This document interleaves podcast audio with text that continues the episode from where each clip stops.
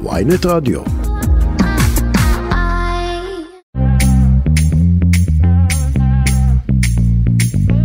שלום לכם, אתם אה, שוב איתנו בכסף חדש, התוכנית הכלכלית של ויינט רדיו. אני צחי שדה, עורכת התוכנית שלנו היום היא שקד אילת, והטכנאית היא מור אופפר. ומה יש לנו היום? Uh, בהמשך לסערה סביב הסעיפים השנויים במחלוקת בהסכמים הקואליציוניים, בבנק דיסקונט הצהירו שהם לא ייתנו אשראי לעסקים שעושים אפליה. וכמה חברות הצטרפו אליהם אחר כך.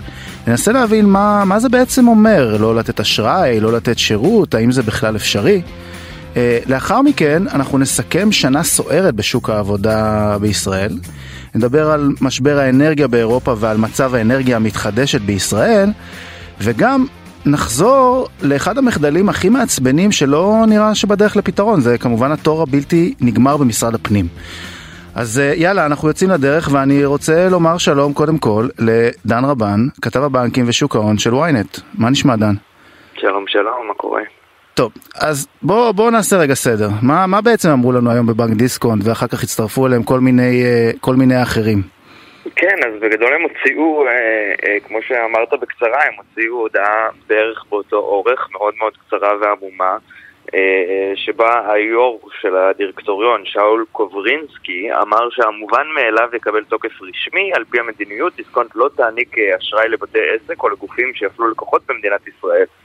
אה, בעצם מה שהם טוענים זה שהדירקטוריון קיבל את המלצת הנהלת הבנק לעדכן את מדיניות אשראי שלפי המדיניות החדשה הם לכאורה לא יעניקו אשראי, שזה אומר הלוואות, לעסק או לגוף שהפלה לקוחות. אה, על בסיס דת, גזע, מין או נטייה מינית. אז בואו בוא ניתן לזה רגע קונטקסט. הרי השבוע, אתמול בעיקר, אה, דובר בעיקר על העניין של אה, הסעיפים בהסכמים הקואליציוניים עם הציונות הדתית ויהדות התורה, שמדברים על זה שניתן יהיה לאפשר לבעל עסק לא לתת שירות למי שזה, פוג... אם זה פוגע באמונה שלו, פחות או יותר, נכון, זה פחות או יותר מה שנאמר. נכון, בעצם זה תיקון לחוק האפליה של חברת הכנסת סטרוק, והצטרף אליה שמחה רוטמן, אה, והם בעצם רוצים ממה ש... שוב, גם אני הבנתי בערך כמוך, אה, הם רוצים לאפשר לאנשים שהמתן שירות שלהם, בעסקים פרטיים בלבד, שמתן השירות אה, יפגע באמונתם הדתית, לסרב לתת שירות. אוקיי, ואיך באמת נכנס פה בנק דיסקונט בסיפור הזה? בנק דיסקונט אומר, אה, אנחנו חושבים שזה אה, לא עומד בעמדתנו המוסרית, הם גם ממש משתמשים במילים כאלה, הם אומרים זה, יש, יש ערכי ויש אה, חוק, וגם אם ישנו את החוק הזה, אנחנו חושבים שזה לא ערכי לסרב למישהו שירות על, על בסיס כזה, ולכן אנחנו לא מסכימים לעסוק בלנהל עסקים עם עסקים שיפלו. עכשיו, השאלה הגדולה פה היא, א', מי שמם להחליט האם uh, העסק הפלה או לא הפלה, כלומר הם לא בית משפט, uh, וב' איך הם בכלל ידעו אם הוא הפלה או לא הפלה, או איך... Uh, זה, זה פותח אותם בעיניי, אני שוב, אני לא משפטן, אבל זה פותח אותם לפתח גדול מאוד לתביעות. תראה, בהודעות של חברות אחרות הם דיברו על זה שהם יבקשו מהחברות שעובדות איתם להתחייב שהן לא מפלות. זה פחות או יותר, נראה לי, אנחנו פה נמצאים בעיקר בעולם של הצהרות ולא, ולא של תכלס, אני חושב. תראה, יש פה שאלה מאוד גדולה של הבנק מסרב, כמו שצפוי, לפרט באופן רשמי מה המדיניות שלו בנושא. עכשיו, מדיניות אשראי של בנק זה לא משהו שמתפרסם באופן uh, כללי, ולכן הם רוכבים על זה, אבל זה גם משאיר את ההודעה, שהיא כולה חמש שורות, מאוד מאוד עמומה. Uh, ובעיניי היא בגדר, כרגע היא בגדר פופוליזם, כלומר היא בגדר אמירה כללית שאין באמת מאחוריה משהו. עכשיו האמירה היותר מעניינת היא האם באמת הם מוכנים לקחת uh, בתוך עמדה ערכית מוסרית, שזה בסדר, כן? צריך ל... ל, כאילו כל אחד והם עסק פרטי, הם יכולים לעשות את זה. לא, חשוב לציין, אה, חשוב לציין באמת שאנחנו אנחנו בעד לא להפלות אף אחד על בסיס דת, גזע, מין או נטייה מינית, ובאמת מיותר אפילו לציין את זה, וזה ברור. לגמרי, וזה לא, לא שאנחנו נגד העמדה, אני פשוט, הדבר שחורה לי בהודעה הזאת, שבאמת הם לא מפרטים איך הם יעשו את זה, ואם הם יהיו מוכנים, שמה שלכאורה כן משתמע מההודעה שלהם, שהם יהיו מוכנים ללכת לבית משפט, הרי בסופו של דבר, אם הם יחליטו, אתה עסק שלא מקבל אה, אה, אשראי, כי הפלאת, והעסק יגיד אני לא הפלאתי, אז הם ילכו לבית משפט והם יצטרכו להוכיח שהוא הפלא. אמ, עכשיו, בתוך הדבר הזה נפתח סוגריים שנייה, שגם בבנק ישראל לא ממש יודעים להגיד מה, האם זה חוקי או לא חוקי, אה, ממה שאני קצת גיששתי והבנתי. הם אומרים שייקח להם uh, תקופה ל, ל, לבסס uh, שנייה עמדה רשמית בנושא הספציפי הזה, אבל ככלל בנק ישראל לא מתערב במדיניות מתן אשראי של בנקים. ברור. טוב, פה זה באמת עניין של חוק ומשפטי. גם צריך להזכיר כמובן שכל הדבר הזה הוא גם החוק עצמו, זה שהוא מופיע ברעיון לחוק אפשר לומר, שהוא מופיע בהסכמים הקואליציוניים, זה לא באמת אומר שבהכרח יהיה חוק כזה, שבהכרח הוא יהיה בנוסח נכון, כזה, ולכן אה, הצהרות של חברות... כן, נכון. גם אה, משהו לקחת בחשבון. אה, אני חושב שבכלל אנחנו כאילו זה חוק אה, כל כך, אה, תיקון כל כך אה, מרתיח, כל כך הרבה אנשים, שקצת קפצנו מעל הפופיק, הוא עוד לא קרוב ללהיות ממשי. אבל כן מעניין לראות את הזווית שעסקים פרטיים לוקחים אה, אה, כנגד חוקים וכנגד בעצם הממשלה המתגבשת. נכון, וזה באמת אה, סוג של נקיטת עמדה, כמו, ש, נכון. כמו שהיה בחברות ההייטק אה, קודם, שחלק אה, אמרו אנחנו גם כן נגד כל מיני מהלכים של הממשלה, וגם פה בעצם אומרים, אני מניח שזה משהו שהם עושים אותו, יש פה עניין ערכי כמובן, אמירה, אני מניח שהם, אני מניח ורוצה להאמין שהם מאמינים בה גם. אבל השאלה באמת איך, איך זה יבוא לידי ביטוי וזה כנראה אנחנו נדע רק בהמשך. אה, אני... וגם חשוב להגיד, אגב, ש, שיש הבדל משמעותי בין, להגיד, אל, אל דיסקונט הצטרפה חברת וויז, שזו חברת אבטחת ענן, והיו עוד כל מיני חברות... אה, אה, הייטק וחברות פרטיות בשוק. יש הבדל כן, משמעותי. ג'י ראינו, בית השקעות, כל מיני, כן. נכון, ויש הבדל משמעותי בין חברת אבטחת ענן שאומרת, חבר'ה, אנחנו לא רוצים לעסוק עם חברות שמפלות, לבין בנק שלא ייתן מימון לאנשים מן השורה כי הוא חושב שהם מפלים. כלומר, הוא צריך להוכיח את זה טוב מאוד, אחרת זה אחרת זו אפליה. נכון, מהצד שלהם גם. מהצד אה, שלהם. כן, נכון. נכון בהחלט. טוב, אה, אנחנו באמת נחיה ונראה מה, מה, מה יקרה עם הסיפור הזה. אה, עוד שבוע יש לנו החלטת ריבית בבנק ישראל, נכון? בדיוק נכון, בעוד שבוע. שבוע, ביום שני. אנחנו, נכון, אנחנו היום ביום שני, דן, אנחנו היום ביום נכון. שני. אז כן, זה, לא בדיוק, זה אפילו בדיוק עוד שבוע. ובעצם מה, מה צפוי לנו כרגע, נכון לעכשיו? אז כרגע יש לנו כנראה, ככל הנראה עלייה של בין 0.25 לבין אה, חצי אחוז אה, ריבית, אה, העלאה שביעית נדמה לי ברצף. זה בגדול די, כן, שביעית מאז אפריל 2022, ואנחנו בעצם קפצנו מ-0.1% אי שם בתחילת השנה, להיום אנחנו ב-3.25%. המשמעות של זה זה שאנחנו קופצים בריבית פריים של 5% ומעלה. אה, וזה אומר כמובן משכנתאות, הלוואות, מינוס מתייקר. תראה, זה באמת שוב, שוב בעקבות uh, האמריקאים שהעלו בחצי אחוז בפעם האחרונה, נכון? לפני שבועיים. וגם... נכון, זה, זה לא בדיוק ב, ביחס ישיר, אבל כן, יש הערכות מאוד חזקות שכשהאמריקאים מעלים בחצי אחוז, זה אומר לבנק ישראל גם את הכיוון הכללי, אם לא הכיוון הספציפי מאוד. כן, בינתיים גם, גם האירופאים אה, ממשיכים נכון. עם העלאות ריבית וזה בא לידי ביטוי גם במסחר במטח, נכון? היורו ממש אה, זינק לשיאים בימים האחרונים. נכון, היורו מתחזק, זה כן משפיע על המטח, אנחנו כן צריכים להגיד שהריבית בשוק, בשוק האירו עדיין משמעותית יותר נמוכה מאיתנו, אה, ובטח שמארצות הברית. שם זה קשור לזה שבין היתר זה לא מדינה אחת, זה לא בנק מרכזי אחד, זה בנק מרכזי של האיחוד שכולל 19 מדינות, זו החלטה הרבה יותר מורכבת להעלות את הריבית. Uh, עכשיו השאלה, וגם אגב, מה שמעניין היום בוועידת הנדל"ן uh, של ynet שבאמת מתקיימת עכשיו, אז המנהל חטיבת המחקר של, של בנק ישראל החדש, הוא לא בנק ישראל החדש, המנהל חטיבה החדש כמובן, הוא טען, שהוא רמז להעלאה נוספת, ובאמת אמר, חבר'ה, אנחנו עדיין מעל האינפלציה. ואנחנו גם צפויים להימשך, להמשיך להיות מעל יעד האינפלציה. מצד שני, הוא גם ממש בא בעת שלוקח זמן לשוק להגיב להעלאות הריבית. כלומר, השאלה המרכזית עכשיו היא האם בנק ישראל ממשיך להעלות את הריבית יותר מדי, ואנחנו נדע על זה רק בדיעבד, כן. שאגב יש טענות שהוא עשה את זה גם בפעם הקודמת, כלומר שהוא לא העלה אותה מספיק מהר וידענו על זה רק בדיעבד. כן. הם בעצם רמזו לנו בהחלטה האחרונה שה... וגם אחריה שההעלאה הקרובה היא לא תהיה האחרונה, זאת אומרת הם משנים כל, שינו עוד פעם את היעד שלהם לכמה הריבית תגיע לפני שנשנה כיוון, נכון? זה מדובר עכשיו כן, על... כן, היעד כל פעם קופץ יחד עם העלאות הריבית. אה, שזה בסדר, זה יעדים מאוד, אה, מאוד אה, פלואידיים, מה שנקרא, וזה צריך להיות ככה גם. אבל כן, גם בעצם בארצות הברית וגם באיחוד האירופי אנחנו לא צופים עכשיו הפסקה של עליות ריבית. אנחנו כן צופים התמתנות, כלומר אם היינו רואים עד עכשיו באמת עליות מאוד מאוד חדות של 0.75% שבריבית זה, זה מטורף, אז הם ירדו לחצי אחוז והצפי זה שזה יתחיל לרדת גם לרבע אחוז. אה, וככה גם בישראל, אבל אנחנו צופים לא רק שהעליות יימשכו בחודשים הקרובים, אלא שגם הריבית הזאת תישאר יחסית גבוהה די הרבה זמן. אה, טוב, וחשוב לציין גם שהריבית הזאת שהיא ממשיכה לעלות, אז uh, לבנקים שכמובן לא רוצים להפלות ולא רוצים לתת אשראי לעסקים שלא, שמפלים, הם, הם גם אבל, ב, ב, הם גם רוצים להמשיך ולהרוויח, ואת הריבית הזאת אנחנו לא נראה, אני מניח, גם בפקדונות בהמשך. כמו שזה לא היה עד עכשיו. נכון, uh, כרגע אגב אם אנחנו מדברים על דיסקונט, בנק שלא רוצה להפלות, אז בנק דיסקונט ברבעון השלישי של השנה הרווחים שלו זינקו באיזה מעל 20 אחוזים והוא חילק דיבידנד של כמעט 200 מיליון שקל, אה, חלק גדול מזה גם היה בגלל זינוק בהכנסות מריביות. אה, כן, זה חלק מהעניין, בנק דיסקונט ספציפית אגב, מאז שהתחלנו את כל פרסום עושק הריביות שלנו, שעקבנו אחרי הדבר הזה וראינו באמת שהבנקים לא מגלגלים את כל אה, העלאות הריבית לפקדונות.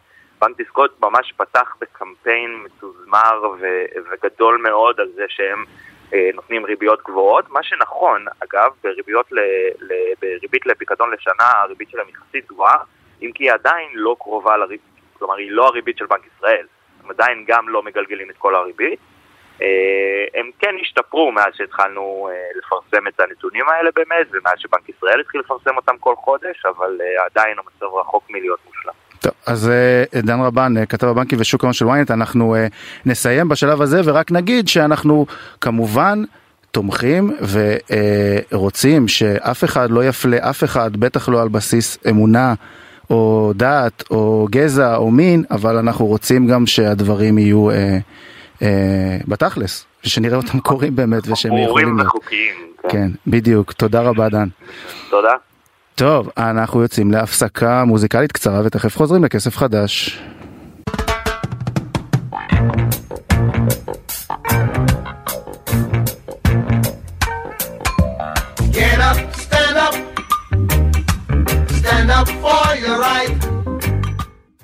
אז uh, באמת uh, חשוב לשמור על הזכויות שלנו. דיברנו על זה קודם בכסף חדש בעניין של uh, אפליה בעסקים, ועכשיו אנחנו רוצים לדבר על עבודה, על שוק העבודה ועל uh, תעסוקה בישראל ובכלל.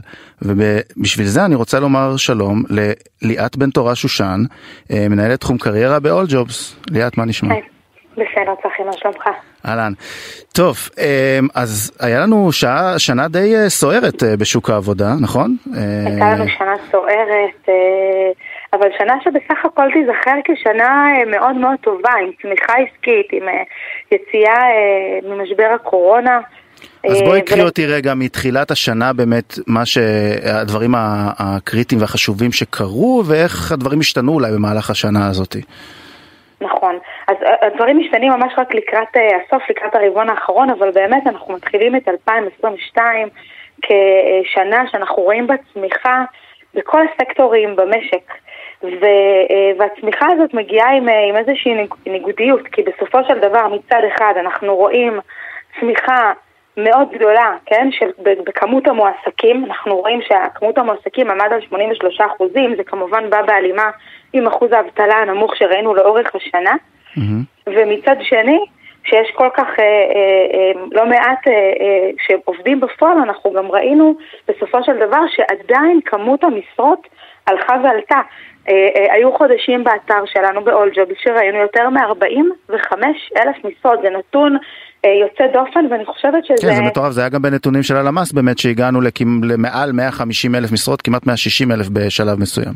בדיוק, ובאמת הדרישה היוצאת דופן הזאת מצד אחד במשרות מסוימות ובתחומים מסוימים חשפה פערים וקושי מאוד גדול בגיוס כמו הוראה כמו אה, אה, אה, תפקידים, תפקידי כללים, תפקידים של נותני שירות, של כפיים, ראינו שיש צורך מאוד מאוד גדול, ואגב עד היום אנחנו רואים שהוראה זה אחד מהתפקידים שעדיין יש בהם דרישה מאוד גדולה, זה נושא שהוא מאוד מאוד מדובר. וזה בכל הארץ הדרישה הזאת באמת של הוראה, או שאת רואה את זה במקומות מסוימים? אנחנו רואים שהדרישה להוראה היא באמת אה, אה, בפריסה ארצית, כמובן שהערים המרכזיות מובילות אה, את הדרישה אה, לצוותי הוראה. אני יכולה לשתף שאני כאימא לילדים ובבתי ספר, אנחנו מרגישים, מרגישים את האתגר ואת הצמצום בצוות המקצועי. כן, סוגרים, אה, סוגרים גנים בגלל שאין גננות אה, כל הזמן. סוגרים גנים בגלל שאין גננות, אה, שמים מורות, מה שנקרא, שהיו מחנכות בשתי כיתות ולא כיתה אחת. זאת אומרת, אתגרי ההוראה הם אתגרים שמדוברים לא מעט.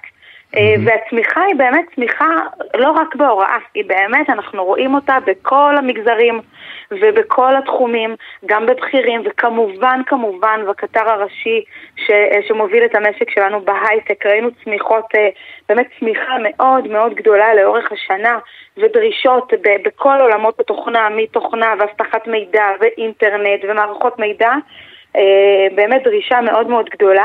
אנחנו כן ברבעון האחרון של השנה, ואגב זה בדיוק חלק מהרכבת הרים, כי בסופו של דבר הייתה צמיחה יוצאת דופן, היו גיוסים מאוד מאוד גדולים, ו, אה, ובסוף אנחנו רואים את השוק מתקן. התגובה הייתה בעצם להעלאות הריבית, אני מניח, אה, שהתחילו נכון. אומנם באפריל, אבל זה לקח זמן עד שזה השפיע על שוק העבודה, נכון? נכון, אז קודם כל זה לקח זמן שזה השפיע, וכמובן יש אה, אה, תהליכים שקורים אה, בחו"ל ומשפיעים באופן ישיר, הריבית זה כמובן אחד מהם, ולאט לאט ברבעון האחרון אנחנו רואים איך יש אה, אה, איזשהו סוג של תיקון, של איזון, של עצירה בגיוסים. אגב, בשיחות שלנו עם מעסיקים, אנחנו, במחקרים שאנחנו עושים ב-Alljobs, אנחנו כן רואים מגמה אופטימית. אנחנו רואים שמעל 50% מדווחים שהם לא צופים איזשהו שינוי דרמטי בצמיחה שלו ובגיוס העובדים. ומצד שני, כשאנחנו מקשיבים לחדשות, אנחנו כן עדים לגלי פיטורים ש, אה, שאנחנו ממש רואים אותם חדשות לבקרים, אנחנו כן מעריכים שהמגמה הזאת תימשך לתוך 2023. אתם מרגישים אה, שהמפוטרים האלה שמגיעים כן מוצאים עבודה, מוצאים עבודה אחרת, צריכים אולי להתפשר? כשאני מסתכלת על מחפשי העבודה, על המפוטרים, וזה גם חלק מהשפעות הקורונה, אנחנו עדיין רואים שקודם כל העצירה בקורונה גרמה לאנשים לחשב מסלול מחדש, הירידה הזאת מהגלגל שאנחנו רצים בו, אנשים אה, רוצים לשנות מקום עבודה, אנחנו עדיין רואים שהשכר הוא פונקציה מובילה ברצון למצוא עבודה אחרת, אולי בחברה אחרת, וגם כמובן אפשרויות קידום ואתגר מקצועי ומשמעות, אבל אה, אנשים עדיין מדווחים שהם מחפשים עבודה בכל רגע נתון, גם אלה שמדווחים שהם מאוד מרוצים ממקום העבודה שלהם. אנחנו כמובן רואים איזושהי ירידה, אבל לא משהו דרמטי, ואנשים מחפשים את האתגר הבא שלהם.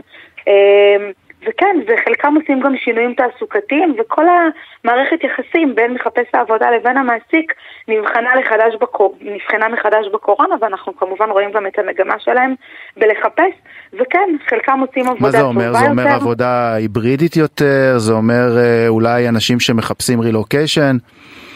אז זה אומר גם וגם. אם אני מתייחסת רגע לעבודה היברידית, אז גם זה אחד מהחותמים שהקורונה אה, אה, הטביעה בצורה חד משמעית. אנחנו רואים שמחפשי העבודה מחפשים עבודה שהיא היברידית, לשלב עבודה גם מהבית וגם מהמשרד, על אף שיש גם מהצד השני מגמה של מעסיקים להחזיר את העובדים בחזרה לתוך המשרד, אה, וגם מחפשי העבודה, אגב, הם מעדיפים עבודה היברידית, אבל הם לא ישללו עבודה אם היא אה, לא היברידית. בסדר? זה גם איזושהי נקודה מעניינת להסתכלות. ועוד דבר שהוא מעניין דווקא בשוק טוב, של הפרילנסרים. גם השאלה גם אצל מי נמצא הכוח כרגע. אם באמת אנחנו אומרים שהכוח עובר קצת מהמעסיקים ל... אה, סליחה, מה, מה, ממחפשי העבודה למעסיקים, אז נכון. אני מניח שיצטרכו להתפשר גם על הנושא הזה של עבודה היברידית באיזשהו שלב. נכון. נכון, אז מתפשרים על עבודה היברידית ומרימים את רמות השכר. השוק הוא עדיין שוק של עובדים. אני יכול מאוד להיות שבתחילת השנה אנחנו נראה שינוי באיזון, בסדר? אני לא רואה את איזשהו מהפך יוצא דופן, אבל אנחנו כן מתחילים לראות שינוי באיזון. וכן, ומעסיקים מרימים את רמות השכר ומתפשרים או מאפשרים, צריך לראות איך מסתכלים על זה בעבודה היברידית. ומה שמעניין דווקא בצד של הפרילנסרים, שגם שם ראינו צמיחה לאורך השנה, ואנחנו יודעים שגם המגמות בעולם הולכות ומדברות על זה. יש את XPlace בבעלות אולג'וב, אה, שאנחנו רואים שמה שיפה זה שגם כמות הפרילנסרים גדלה, והטווח גילאים גדל, זאת אומרת אנשים שלא רק כאלה שעושים קריירה שנייה ומתמחים ועכשיו פותחו גם שירותים עצמאיים, אנחנו רואים גם חבר'ה צעירים אה, כאלה שבאמת נותנים שירותים, יש לנו את כל האי-קומרס והדיגיטל ועיצוב שהוא מאוד מאוד חזק, וממשיכים לתת שירותים. יש את המושג סלשרים, אנחנו יכולים להיות גם עצמאים וגם פרילנסרים. זה לא יותר מפחיד וגם. אנשים אולי קצת עכשיו באמת ללכת לתחומים כאלה שהם לא יודעים מה יקרה, אולי מדברים על מיתון, אולי אה, זה, ללכת לתחומים שהם באמת, הרי כשאת הולכת להיות שכירה את קצת יותר בטוחה, תלוי איפה כמובן, אבל אה, ללכת להיות פרילנסר עכשיו זה לא, לא מרתיע אנשים את אומרת? אני, שני דברים, אחד, במקום היציב הזה שבו באמת אנחנו רוצים למצוא עבודה יזימה, אה, אה, יציבה, ראינו את זה בתחילת הקורונה, אבל כשאני מדברת על להיות פרילנס, היום זה לא או-או, אתה לא או פרילנס או שכיר, אנחנו רואים הרבה שנמצאים באחוזי משרות כאלה ואחרות כשכירים, ובתוספת נותנים אפשרויות לפרויקטים אה, כפרילנס, וזה לא משהו שהוא כבר נדיר. בשוק שלנו, והצפי אגב זה שזה ילך ויגדל. אנחנו רואים את המגמה הזאת בעולם, בארצות הברית, והיא כמובן אה, גודלת גם אצלנו בארץ. אז כמובן שאפשר לשלב, אה, וגם וגם, לא רק או-או. ותגידי, השינויים עכשיו שקורים פה במדינה, הממשלה, השינויים בכלל, מבחינת, אנחנו רק, לפני רגע דיברנו על כל מיני חוקים שרוצים לדבר על אפליה. אה, זה נכון. משפיע על, על מחפשי עבודה? אולי מחפשים לעבוד דווקא מחו"ל יותר? יש לכם איזה שהם מסקנות בנושא הזה? אז כן, יש השפעה כמובן גם על העולמות הפוליטיים, על העולם האישי. אנחנו כן ראינו עלייה ברצון של מחפשי עבודה, או בכלל הבחינה שלהם לעשות רילוקיישן ולנסות גם את מזלם, מה שנקרא, מעבר לים. ו... כן, יש לזה השפעה חד משמעית. כשאנחנו מסתכלים על אפליה, אם אנחנו מסתכלים בין גברים לנשים, אז על אף שאנחנו רואים שיפור של שלושה אחוזים, שזה מגמה יפה, אנחנו עדיין רואים שיש פער של 30 אחוזים בין גברים לנשים, זה משהו שנשאר אה, יציב אה, בשנים האחרונות, ואני באמת מקווה שלאט לאט אנחנו נראה מגמה של השתפרות והשלושה אחוזים אה, ילכו ויגדלו בקרוב. אני מניח שגם הרצון הזה לרילוקיישן אולי נובע מעניין יוקר המחיה שנהיה פה בשנה האחרונה די מטורף, ואומרים אולי נעבוד ממקום אחר, נשלם קצת פחות ונרוויח אותו דבר. נכון. יוקר המחיה הוא באמת אה, פרמטר אה, משמעותי ב, אה, בתוך החשיבה לעשות רילוקיישן, ומצד שני הוא גם פרמטר משמעותי, אנחנו, אם לא נלך רחוק מעבר לים, ולבקש העלאות שכר, או לעשות גם וגם, כדי בעצם לשפר את תנאי ההשתכרות ולהיות מסוגלים לחיות בכבוד. עכשיו באמת, וטרנד אחרון שאני רוצה לשאול אותך לגביו, היה שדובר באמת בשנה האחרונה, זה הסיפור הזה של ההתפטרות השקטה. ש, כן. שדובר, אני לא יודע, את יודעת, זה היה מין כזה, קשה לקרוא לזה התפטרות שקטה, כי כשאנשים רוצים נכון. לעבוד כמו שהם, אה, כמו שהם אמורים ולא יותר מזה, אז זה לא באמת התפטרות, אבל הייתה איזושהי, הנטייה הזאת ממשיכה של אנשים נכון. שרוצים אה, אה, לאזן יותר בין העבודה והבית? נכון, אז המגמה של ההתפטרות הש...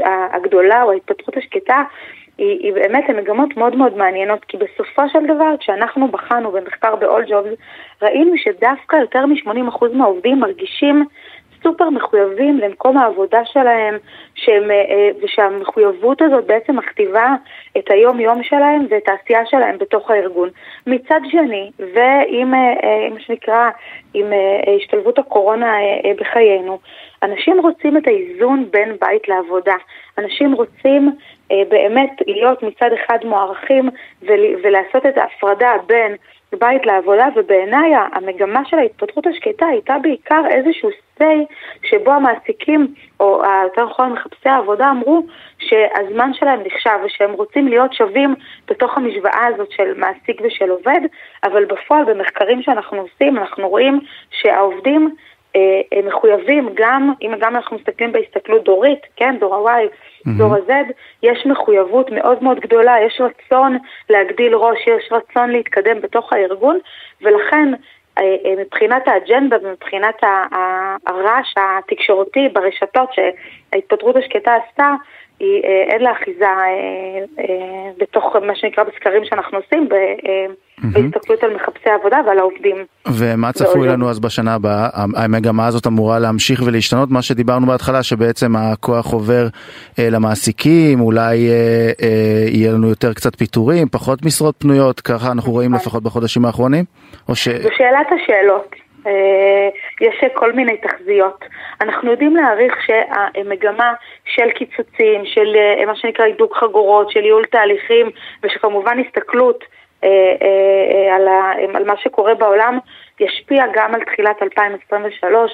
חלק אומרים שמדובר בתיקון שהוא תיקון טבעי, כי היו גיוסים יוצאי דופן וצמיחה mm. מאוד מאוד גדולה והשוק חייב לתקן, וחלק כבר מדברים על משבר ומיתון שעתיד לפקוד אותנו. אנחנו לא יודעים מה יוליד יום באופן חד משמעי. ואנחנו סקרנים לראות. כן, כולנו סקרנים.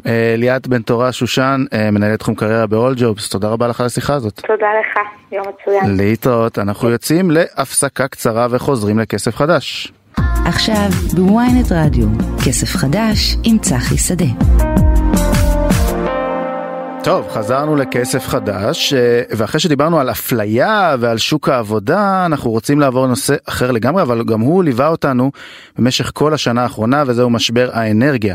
אני רוצה לומר שלום לדוקטור ברכה חלף, לשעבר המדענית הראשית של משרד האנרגיה, ומייסדת משותפת של קרן האקלים גרביטי. שלום לך, דוקטור חלף.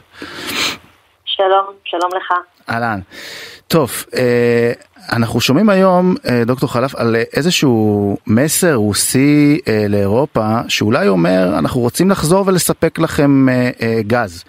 תוכלי לספר לנו מה בעצם המצב עכשיו מבחינת משבר האנרגיה באירופה? אנחנו יודעים שבאמת הפסיקו לספק, יש מחסורים, נכון? יש כל מיני בעיות, המחירים עלו כמובן.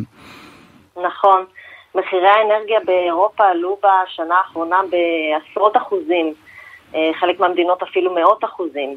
אה, זה כמובן בגלל מה ששמענו, בגלל המלחמה באירופה, אבל לא רק, גם מצבי האקלים הקיצוניים ש, שנוצרו בשנה mm-hmm. האחרונה הביאו בעצם לדרישת אנרגיה גבוהה מהרגיל, אה, וגם בניגוד למה שחושבים, הרבה פעמים כמות האנרגיה המתחדשת נמוכה יותר, הייצור בשנה האחרונה ממה שהיה מתוכנן. למה זה בעצם קרה? שהייצור פחות מהמתוכנן? למשל, אם מסתכלים רק על החודש האחרון, אז ייצור האנרגיה ברוח הייתה פחותה יותר ממה שהיה צפוי. זה, אה, טורבינות רוח למשל לא יכולות לעבוד במשטרי רוח שהם חזקים מדי. Mm-hmm. אז זה דברים שצריך לקחת בחשבון גם כשיש אה, הרבה אנרגיה מתחדשת. אבל אני עכשיו חזרתי מחופשה בצרפת ובקבוצת הוואטסאפ אה, שהייתה שם, שמעתי על הרבה כאלו שהיו במלונות שבהם ממש לא היה חימום ולא היו מים חמים. זאת אומרת, משבר האנרגיה הוא, אה, הוא אמיתי והוא כאן והוא עכשיו ואנשים חווים אותו. זה, אה, באמת המחסור הזה באנרגיה מתחדשת ובשינויים האלה שצריכים לעבור גם רק, רק בעצם מחדדים את, ה, את הבעיה בזה שיש בעיה ב, בלקבל את הגז מרוסיה, ב, ב, בלקבל את האנרגיה ממקומות אחרים, נכון? זה, זה בעצם מקשה הרבה יותר את ההתמודדות.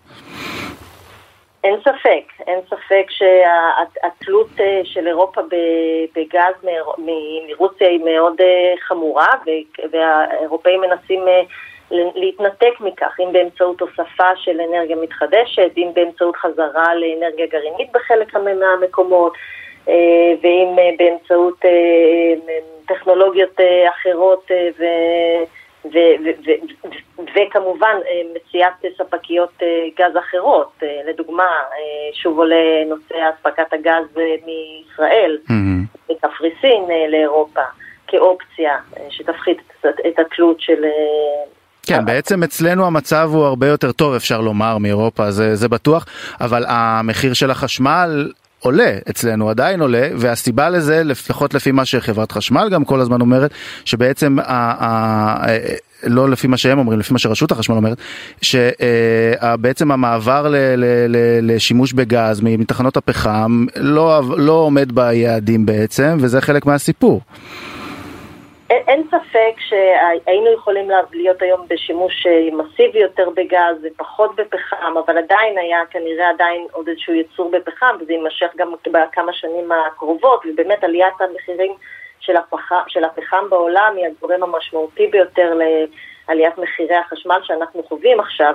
אבל בואו לא נשלה את עצמנו, גם אם היה לנו אה, המון אה, אנרגיה מתחדשת השנה, עדיין אה, מחירי החשמל היו עולים, כי גם הוספה של אנרגיה מתחדשת דורשת עוד אה, מימון של הוצפת פריסת רשת החלוקה. והעולמה בעיקר של הבאת האנרגיה בעצם מוקדי הייצור בפריפריה למוקדי הצריכה שהם במרכז, אמצעים לאגירת אנרגיה, זאת אומרת, אה, הסיפור הזה, הקשר אה, הוא לא, הוא לא ישיר בין אה, תוספת אנרגיה מתחדשת למחירי האנרגיה. זה אולי על מחירים בעתיד, זאת אומרת, אם, לנו, אם אנחנו נשקיע בזה עכשיו, אולי נרוויח מזה בהמשך, ספק, אני מניח. אין ספק, וזאת נקודה הכי חשובה כאן בעצם, שצריך להפסיק לנתק את הקשר הזה, לפחות לא להסתכל על טווח הזמן הקצר, ולהסתכל באמת על טווח הזמן הארוך, ולהבין שהמחיר שאנחנו נשלם על הנזקים הסביבתיים וש, שאנחנו יוצרים באמצעות שימוש בדלקים מזהמים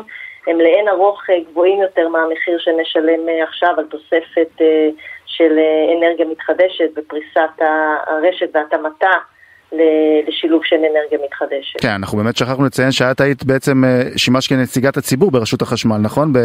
נכון. בחלק מהמקרים, אז איך באמת זה, איך באמת זה עובד? איך קובעים אם זה מתייקר דווקא ב-8% או ב-10%, הרי זה השתנה אחרי ערעורים בפעם הקודמת, זה. יש על זה כל מיני, כל הזמן אומרים שאין השפעות פוליטיות כמובן, רשות החשמל היא עצמאית, אבל אה, אני לא יודע אם זה בדיוק ככה. אין, זה, זה, אה, אני יכולה לדבר מניסיון לפחות בתקופה שאני הייתי, אין השפעות פוליטיות, המודל של אה, מבנה התעריף הוא מורכב ממקטע הייצור, מקטע ההולכה, חלוקה ואספקה ומקטע מנהל המערכת, כשהעיקר העלייה בתעריף היא תמיד בעיקר מעלייה במרכיב הייצור, כשמרכיב הייצור מושפע ממחיר הדלקים.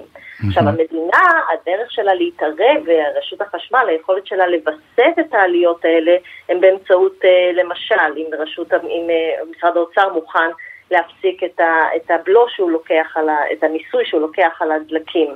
זה מוזיל משמעותית, וזה אכן נעשה. אה, כן, זה נעשה וזה זה... נגמר, זאת אומרת, הם הורידו את הכל כבר וזהו.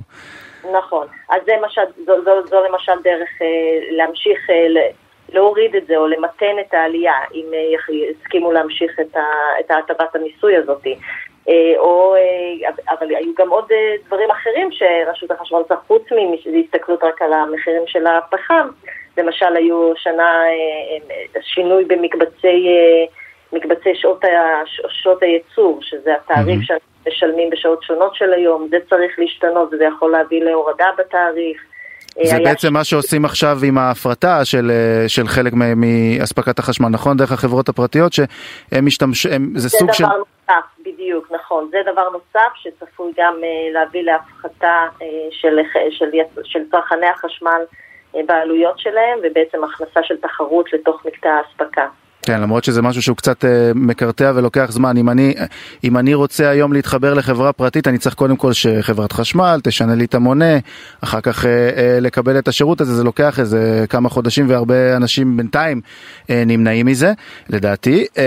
מה, מה באמת את, את ממליצה וחושבת שצריך לעשות מבחינת שינוי המדיניות, מבחינת אנרגיות מתחדשות, כדי שמדינת ישראל תהיה הרבה יותר מתקדמת בתחום הזה? תראו, אה, מדינת ישראל מתקדמת בתחום הזה. מדינת ישראל הולכת להיות המדינה עם אה, ייצור אה, הסולארי הגבוה ביותר כמעט בעולם, שזה מקור האנרגיה המתחדשת העיקרי שיש למדינה הזאת. ואנחנו בהחלט, אני חושבת, נוכל להיות גם אור לגויים בדברים כמו ייצור אנרגיה אגרו-וולטאי, שזה השילוב של ייצור חשמל על מקומות, על שטחים חקלאיים. Mm-hmm. יש פרויקט אה, מדהים שהמדינה דוחפת ומקדמת. כן, יש יוזמה חדשה גם שדיווחנו עליה בוויינט לא מזמן, על, על שרוצים לשים בדיור הציבורי בעצם לשים אה, אה, אה, קולטנים ו, ולייצר באמת אנרגיה סולארית אה, ב, ב, בבניינים האלה שיש להם שליטה של המדינה שם. אה, גם. גם זה, אבל גם, גם טכנולוגיות אה, באמת חדשניות של, של, של, של באמת שימוש בדו-שימוש בקרקע, דו-שימוש ב... לשים פאנלים סולאריים על אה, מאגרי מים, על, אה, על חממות, על אה, מעל שטחים חקלאיים שדווקא הפחתת הקרינה תורמת לה, לה, להגברת היבול בהם. זאת אומרת, יש הרבה מאוד חדשנות בתחומים האלה, וגם חדשנות בתחום של הגירה, והמדינה הולכת להכניס, יש צפי שיותקנו הרבה מאוד סוללות של סוללות שיכולות בעצם לאפשר את הכנסה של עוד אנרגיות מתחדשות וייצור של אנרגיה מתחדשת במהלך היום, ובעצם הסטה של החשמל שמיוצר בהם לשעות שבהם שבהם אין שמש ואין אנרגיה. זה דברים באמת שאני חושב שהמדינה גם יכולה באמת לדחוף אותה, לדחוף אותה, הם עושים את זה גם עכשיו, אבל אני מניח שאפשר אה, אה, גם יותר, טוב, אנחנו לא יודעים מי יהיה מנכ"ל, אה, לא יודעים מי יהיה שר האנרגיה הבא, בואו נתחיל מזה, לפני שאנחנו נדע מי יהיה אחר כך המנכ"ל, זה בינתיים לא משהו שהפוליטיקאים כל כך אה, אה, מעניין אותם, אני חושב, אני טועה? חבל מאוד שלא לא שומעים שרבים על התפקיד הזה, תפקיד המאתגר ביותר והחשוב ביותר שיש למדינה הזו לדעתי אה, בשנים הקרובות. בהחלט כן. דוקטור ברכה חלף, לשעבר מדענית הראשית של משרד האנרגיה ומייסדת משותפת של קרן האקלים גרביטי, אני מודה לך מאוד על השיחה הזאת. תודה לך, ערב טוב. תודה. אנחנו שוב יוצאים להפסקה מוזיקלית ואחר כך נדבר על משהו ממש ממש ממש מעצבן.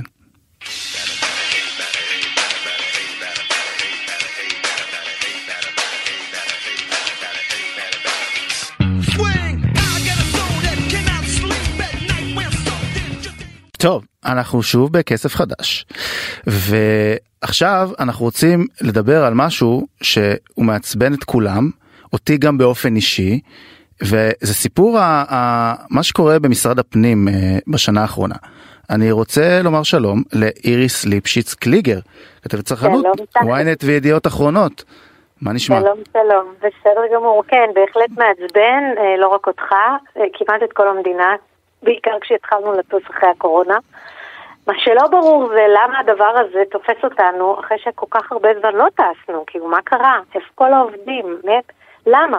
כולם שואלים את השאלה, למה הגענו מינואר עד עכשיו למצב שהוא באמת כאוס מאוד גדול. אז בואי תגידי לי רגע, קודם כל, נכון לעכשיו, אם אני רוצה לקבוע תור למשרד הפנים בתל אביב, כמה זמן, תוך, עוד, כמה זמן, עוד כמה זמן יש לי תור?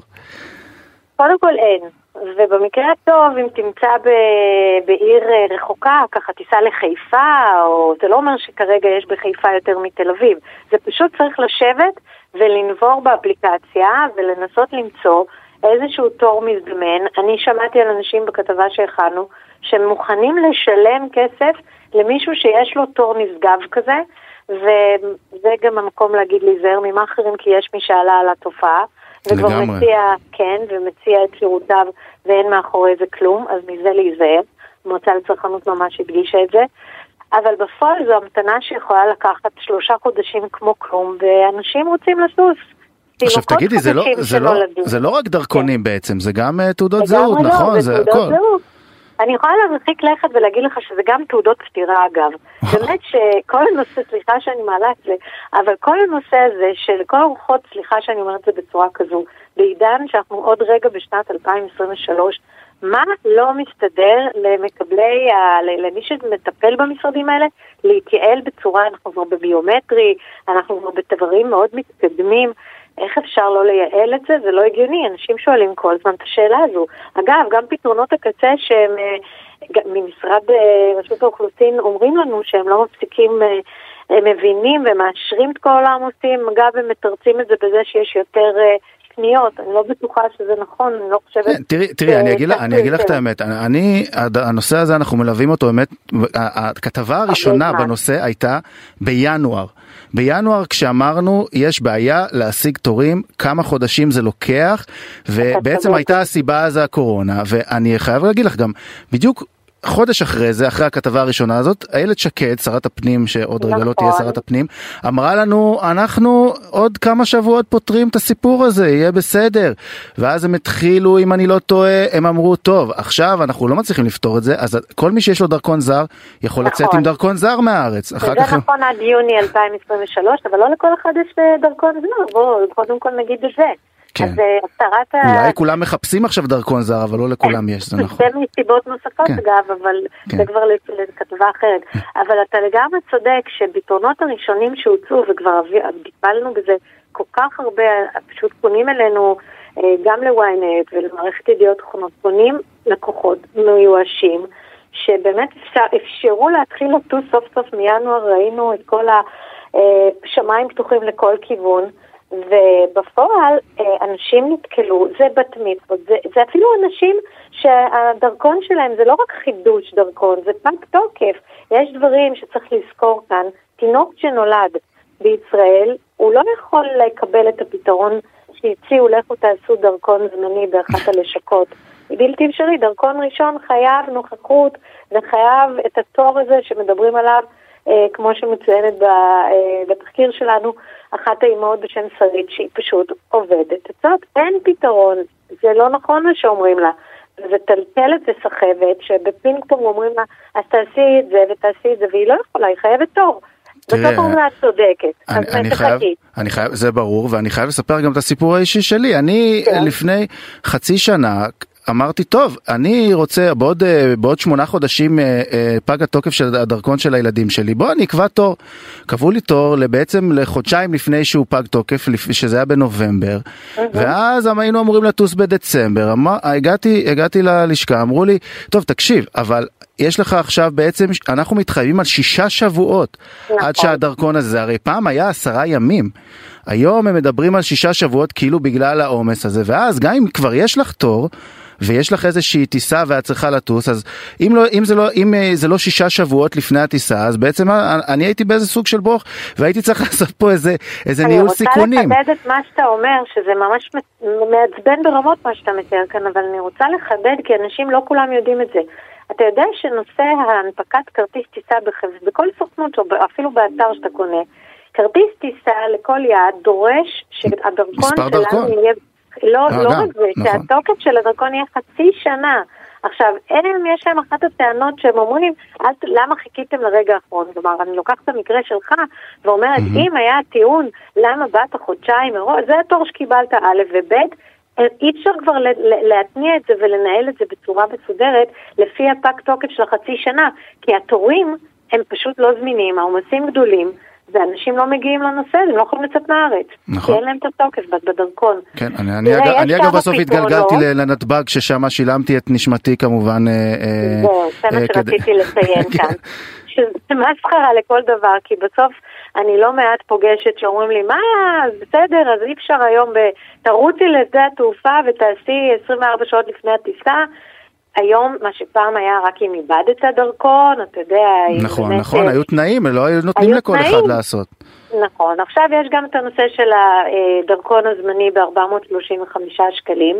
אה, לך תעמוד בתורים האלה, זה בלתי, זה לא אנושי, באמת, ואנשים שלא מבינים באפליקציות, בוא, אנשים מבוגרים לא מתנהלים על רישום באפליקציה ולהסתכל כמו בסודוקו, איפה התפנה באילת, בחיפה, אני כבר שמעתי על חברה שנסעה טסה לאילת לחופשה ואמרה אני כבר אעשה את הדרכון באילת. זה טירוף. היא עשתה לה ולכל המשפחה, כי שם פחות עומס. זה טירוף, וזה, וזה גם המון כסף, מטורף. תשמעי, זה המון כסף, גם בנתב"ג זה המון כסף. וחשוב להגיד אבל, וזה, אני לא ידעתי, אפילו אה, בתור בן אדם שקצת אה, מודע למה שקורה והכל, כן.